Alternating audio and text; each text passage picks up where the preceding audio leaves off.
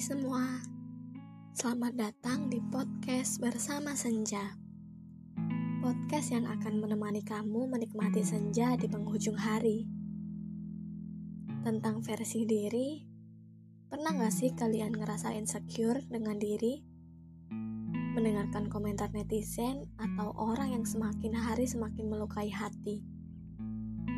Awalnya berusaha merespon dan segera memperbaiki namun ternyata semakin hari malah komentar mengalir tiada henti. Semakin diikuti, semakin menjadi. Semua yang dilakukan berasa tanpa kebermanfaatan. Serba salah. Hingga muncul gejolak dalam diri, untuk apa aku hidup hari ini? Hmm, gini, gini, gini, gini. Manusia itu diciptakan oleh Allah SWT dengan beda versi. Tentunya memiliki kualitas diri yang berbeda pula. Jadi, jika standar atau parameter menggunakan penilaian orang lain, ya tidak akan ada titik temunya. Misal nih, hal yang sering ditemui di kalangan mahasiswa. Tentunya mahasiswa di kampus saya.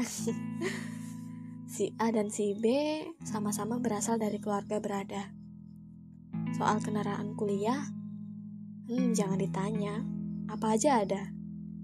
Nah, jadi ceritanya si A ketika kuliah itu selalu naik mobil, tapi si B memilih pakai motor. Nah, si A selalu mengurui si B untuk bawa mobil ketika kuliah. Tetapi karena si B lebih nyaman pakai motor, ya tetap naik motor. Nah, mulai dari situ si A tuh kayak mulai menjauhi si B gitu. Nah, dengan anggapan dan banyak menyebar informasi-informasi gitu, katanya si B ini kayaknya settingan dan ya bla bla bla bla gitulah banyak sekali hoax-hoax gitulah. Hmm, gimana ya? Tiap orang memiliki kenyamanan masing-masing jadi ya gak bisa kita paksakan. Parameter kaya bukan hanya kendaraan yang dibawa ketika kuliah loh. Lagian buat apa sih sibuk membuat klaster tentang pertemanan? Mending ikut kemanitiaan atau mengerjakan deadline gitu gak sih? Banyak loh tugas-tugas tuh. Prinsip hidup kita yang menentukan, karena kita akan bermuara pada sebuah pertanggungjawaban. Boleh melihat, melirik, ataupun menengok orang lain, tapi hanya sebagai referensi aja ya. Ingat, referensi, bukan perbandingan atau bahkan menjadikan panutan. Syukur-syukur kalau bisa saling memotivasi untuk meraih impian. Wah, idaman. So, apa pun dan siapa pun kita, berada di mana dan bersama siapa, tetap berpegang teguh pada prinsip versi diri.